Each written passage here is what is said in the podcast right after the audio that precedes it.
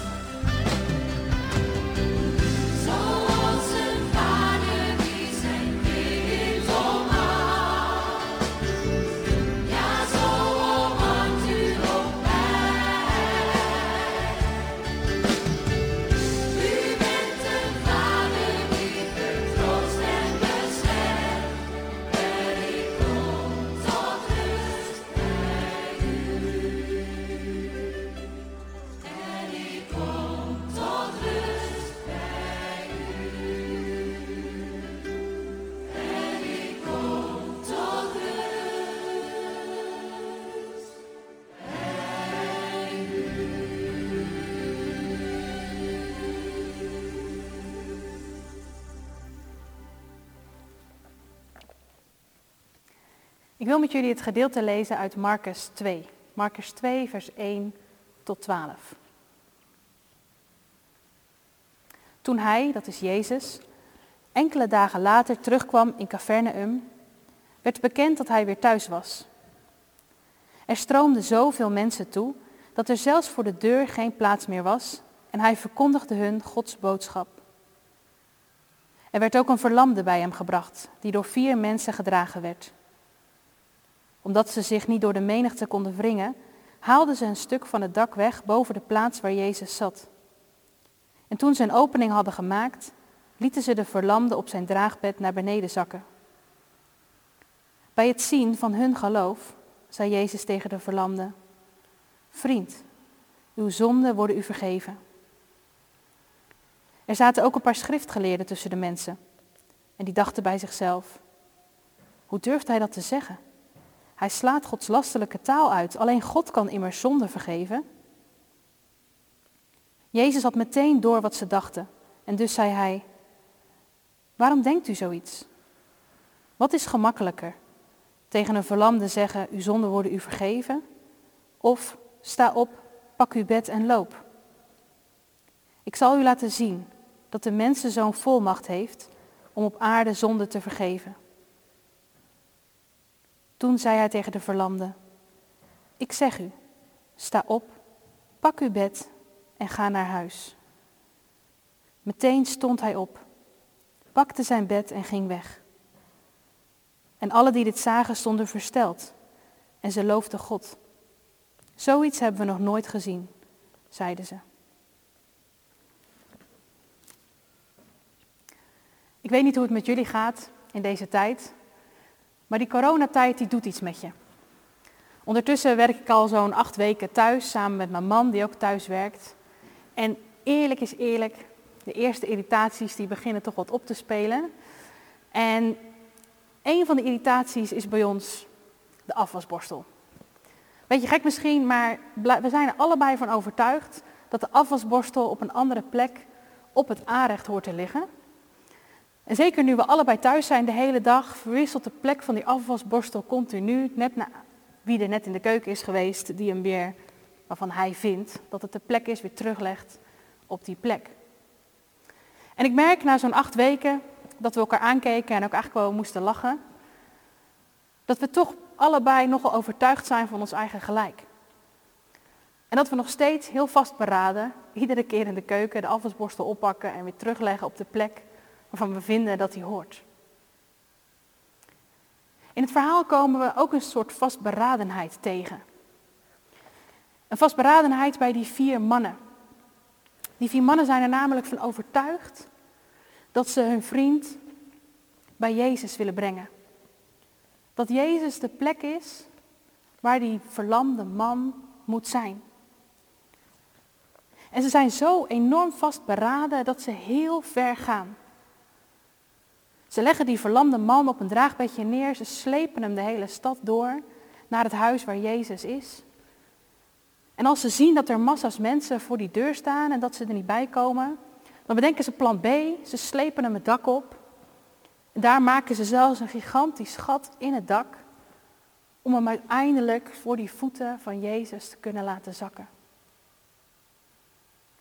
Ze zijn ervan overtuigd die verlamde man moet naar Jezus toe. En vastberaden als ze zijn, hebben ze er alles voor over en gaan ze zo ver tot en met hij daar eindelijk is. En vanmorgen wil ik een beetje met je inzoomen op dit verhaal. En je ook wel uitdagen om eens te kijken van hé, hey, als je eens kijkt naar die verschillende personages in het verhaal, waar bevind jij je? Met wie kun jij je een beetje vergelijken? En wat heeft dat voor vandaag tot je te zeggen? En misschien kun je je wel identificeren met juist deze vier mannen. En herken je wel iets van die vastberadenheid. Misschien wel juist in deze tijd. Dat je het ziet hoe nodig het is dat mensen bij Jezus komen. Dat je ziet hoe nodig het is om die liefde van God uit te delen. Al is het in praktische zin met voedsel of boodschappen die mensen zelf niet kunnen halen. Al is het in geestelijke zin dat je klaar wilt staan voor mensen die juist in deze tijd veel angst ervaren of veel leegte. Ergens van binnen vanuit die vaste overtuiging. Bij Jezus, daar moeten ze zijn. Dat is de plek waar ik mensen wil brengen. En in dit verhaal zie je dan eigenlijk twee twee bijzondere dingen gebeuren als die vier mannen hun vriend laten zakken. Allereerst staat daar in vers 5, bij het zien van hun geloof, zei Jezus tegen de verlamden. Bij het zien van hun geloof. Die man die zakt daar door dat dak. En Jezus kijkt niet als eerste naar die man die daar naar beneden zakt en die kijkt of die man eigenlijk hier wel wil zijn. Nee, hij kijkt omhoog. Hij kijkt naar die vier hoofden die daar over die rand heen hangen. En hij kijkt naar het geloof van die mannen. Betekent dat dan dat je altijd vol geloof moet zijn als je mensen bij Jezus wilt brengen? Ik denk het niet. Want die mannen zullen vast er ook met enige twijfel over dat randje heen hebben gehangen. Gaat Jezus wel wat doen? Hebben we hier wel echt goed aan gedaan? Nee, ik denk dat het vooral een bemoediging is. Een bemoediging dat je geloof ertoe doet. We zien het vaker gebeuren. Bijvoorbeeld bij het verhaal van de hoofdman die een zieke slaaf had. Of het verhaal van Jairus die komt om te vragen voor genezing voor zijn dochtertje. Ook in die verhalen kijkt Jezus naar de hoofdman, kijkt Jezus naar Jairus en handelt hij. Het doet er dus toe dat jij vanuit geloof mensen bij Jezus wil brengen. Het doet ertoe dat jij vanuit een verlangen om Gods liefde te delen boodschappen haalt. Een vriendelijk praatje maakt, je vriendin nog eens een keer extra opbelt. Het doet ertoe. Jezus ziet het. En dan gebeurt dat tweede bijzondere. Want als Jezus dan omhoog gekeken heeft, dan zegt hij daar daarna die, die woorden, vriend, uw zonden worden u vergeven. En waarschijnlijk zullen al die mensen die daar stonden met verbazing hebben gekeken. Wat doet Jezus nu? En waarschijnlijk die vier mannen die daarboven hingen ook. Wat doet hij nu? We, kwamen voor genezing en dan, dan begint Jezus over zonde vergeven. Er is heel veel geschreven en gezegd over, over deze tekst. En waarom Jezus dat op die manier doet. Vandaag wil ik dat niet doen, wil ik daar niet specifiek op ingaan. Waar het hier volgens mij wel om gaat, is dat Jezus deze man daadwerkelijk kent. Die vrienden laten in geloof die man zakken. Met vastberadenheid zijn ze aangekomen en ze mogen erop vertrouwen dat Jezus daadwerkelijk die man kent. En dat Jezus daadwerkelijk weet wat deze man echt nodig heeft. En deze verlamde man had in eerste instantie niet de genezing nodig. Nee, hij had als eerste nodig dat de relatie tussen hem en God hersteld zou worden. Dat zijn zonden vergeven zouden worden. En Jezus wist dat. Want Jezus kende hem. Jezus wist wat hij echt nodig had. En zo zie je bij die vier vrienden een stukje vastberadenheid. Jezus, dat is de plek waar hun vriend moest zijn.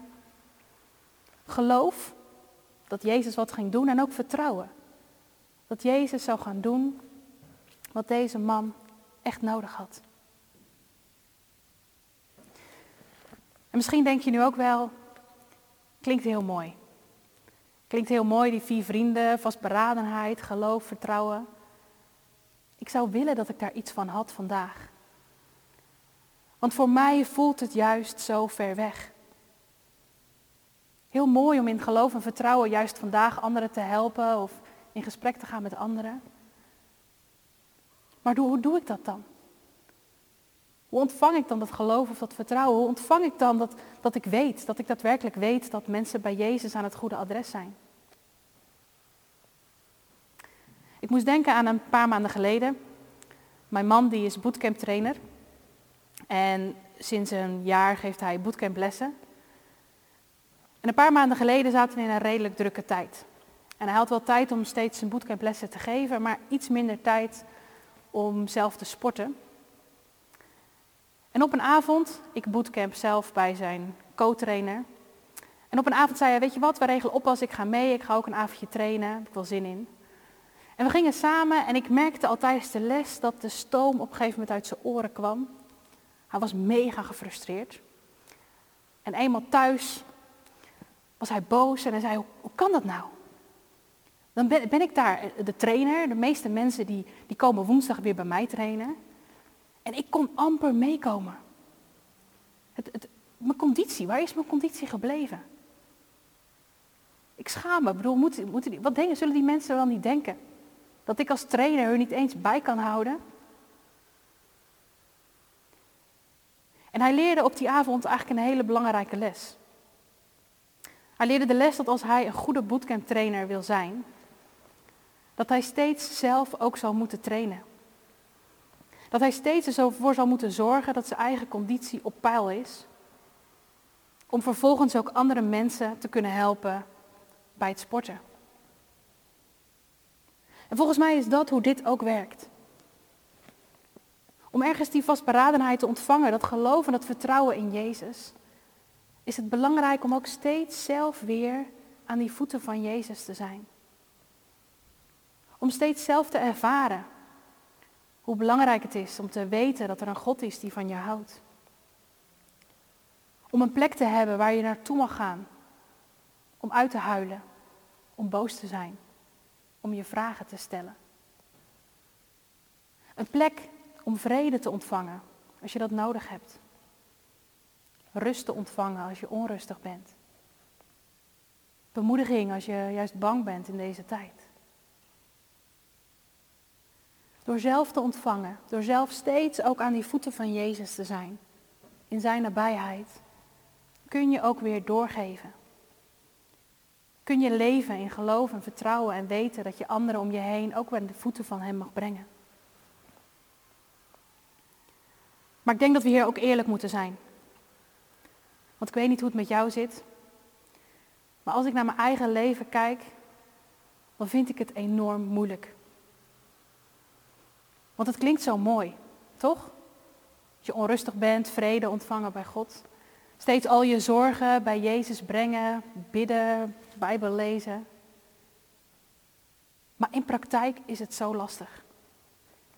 In praktijk kan ik de hele week worstelen met vragen, met zorgen en pas aan het eind van de week mezelf bedenken, oh ja, wacht, ik, ik zou er natuurlijk ook voor kunnen bidden. In de praktijk kan het soms voelen alsof er een dicht plafond boven je zit. En dat je wel bidt, maar dat je denkt, ja, komt het eigenlijk wel aan? En in de praktijk kan het soms voelen alsof je, nou misschien wel alsof je verlamd bent. Dat je denkt, ja, ik weet het eigenlijk allemaal niet. Ik voel me als die verlamde man die daar voor het huis staat. Massa's mensen ertussen en ik weet niet eens wie Jezus eigenlijk is. En wie hij wel voor mij wil zijn. En volgens mij is het dan belangrijk om naar die verlamde man zelf te kijken. Die verlamde man lag daar op zijn bedje. Hij kon geen kant op.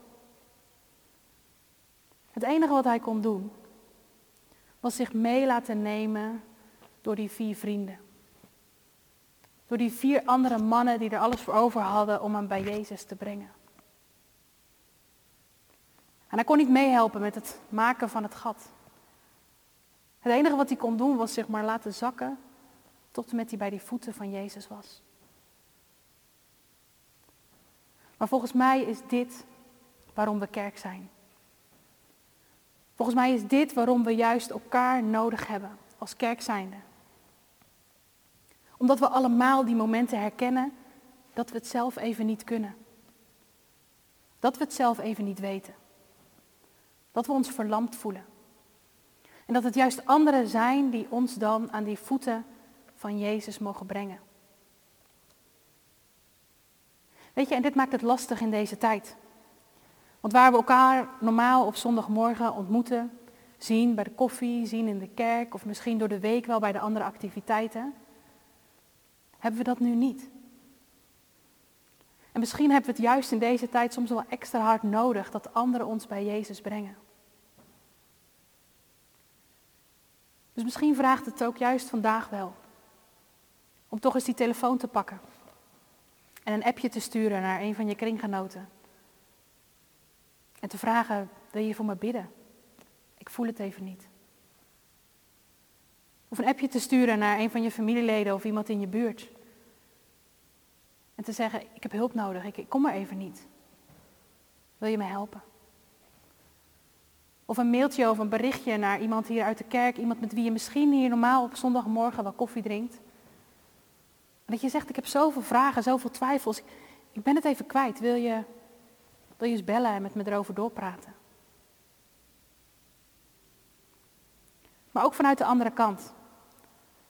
Dat als je je misschien juist wel als die vier vrienden voelt. Dat het misschien vandaag wel even vraagt om eens een berichtje te sturen naar je kring of naar anderen met wie je normaal hier tegenkomt. Gaat het goed? Kan ik nog iets voor je doen?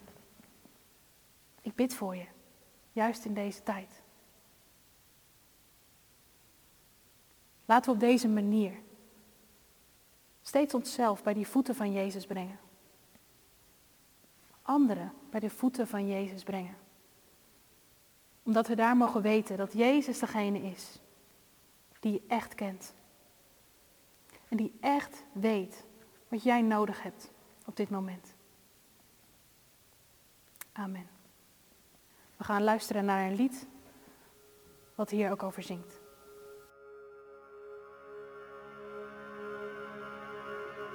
At the feet of Jesus, I lay my burdens down. I will lay my heavy burdens down.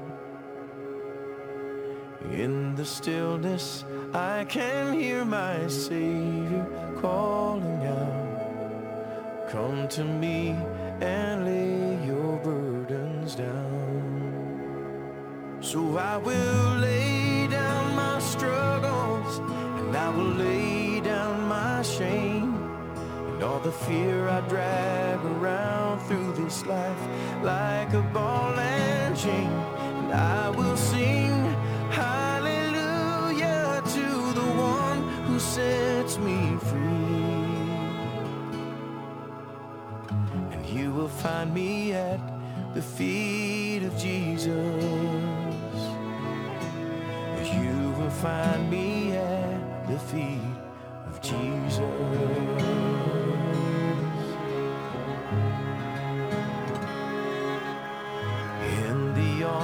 Of Jesus, I will find my peace and rest. I hear him calling, come to me and rest. Carried by my shepherd, cradled tightly to his chest.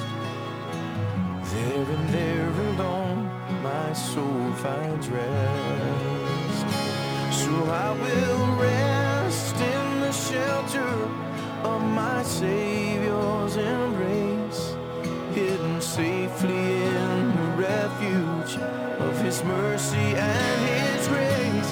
And I will sing hallelujah to the one who sets me free.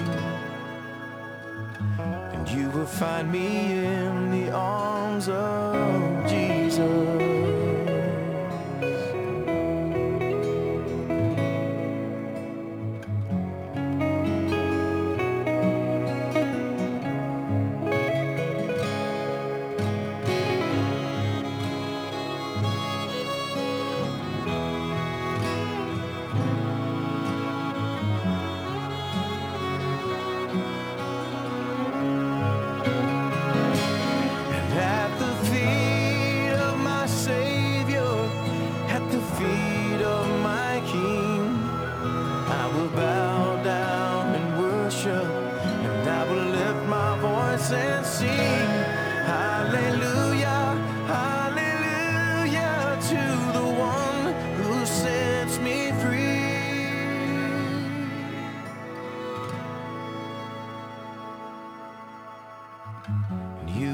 find me at the feet of Jesus.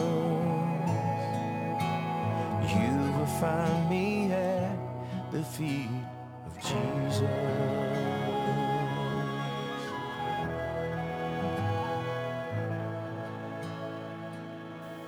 Laten we met elkaar bidden. Vader, liefdevolle God. Jezus, Dank u wel dat we ook vandaag bij u mogen komen. Op welke plek we dan nu ook zijn. Vanuit onze huiskamer of ergens anders waar we deze dienst luisteren of bekijken. Maar dat we met elkaar in verbondenheid bij u mogen komen. We willen zo ook aan uw voeten komen, Heer Jezus. Wetend dat u degene bent die ons echt kent. Die echt weet wat wij nodig hebben. En we willen vragen of u ons dat wil geven. Of het nu kracht is om de komende week weer in te gaan. Of het een stukje vrede is. Of het genezing is. Geef wat we nodig hebben. Hierin help ons om ons juist ook in deze tijd, als we misschien fysiek wat minder verbonden zijn, elkaar toch op te zoeken. Er voor elkaar te zijn en contact te zoeken. En dat we ook elkaar steeds weer aan uw voeten mogen brengen. En dank wel dat we daar alles voor u neer mogen leggen, alles wat ons bezighoudt. Heren, we bidden zo voor iedereen. We bidden u voor iedereen die hard moet werken, die zorgen heeft. We bidden u voor alle kinderen die afgelopen week misschien voor het eerst weer naar school zijn geweest. We bidden u voor alle tieners die nog iets langer thuis zitten. Dat u ook hen helpen. We willen u bidden voor iedereen die, die studeert en met wie, van wie misschien de studie nu een beetje ja, lastig is of de soep loopt. Wilt u aanwezig zijn in alle aspecten en facetten van het leven. Dit vragen we u zo in de naam van uw Zoon Jezus. Amen. Ik mag jullie de zegen meegeven om komende week in te gaan. De genade van onze Heer Jezus Christus. De liefde van God de Vader. En de gemeenschap en de aanwezigheid van de Heilige Geest is met jullie allen. Amen.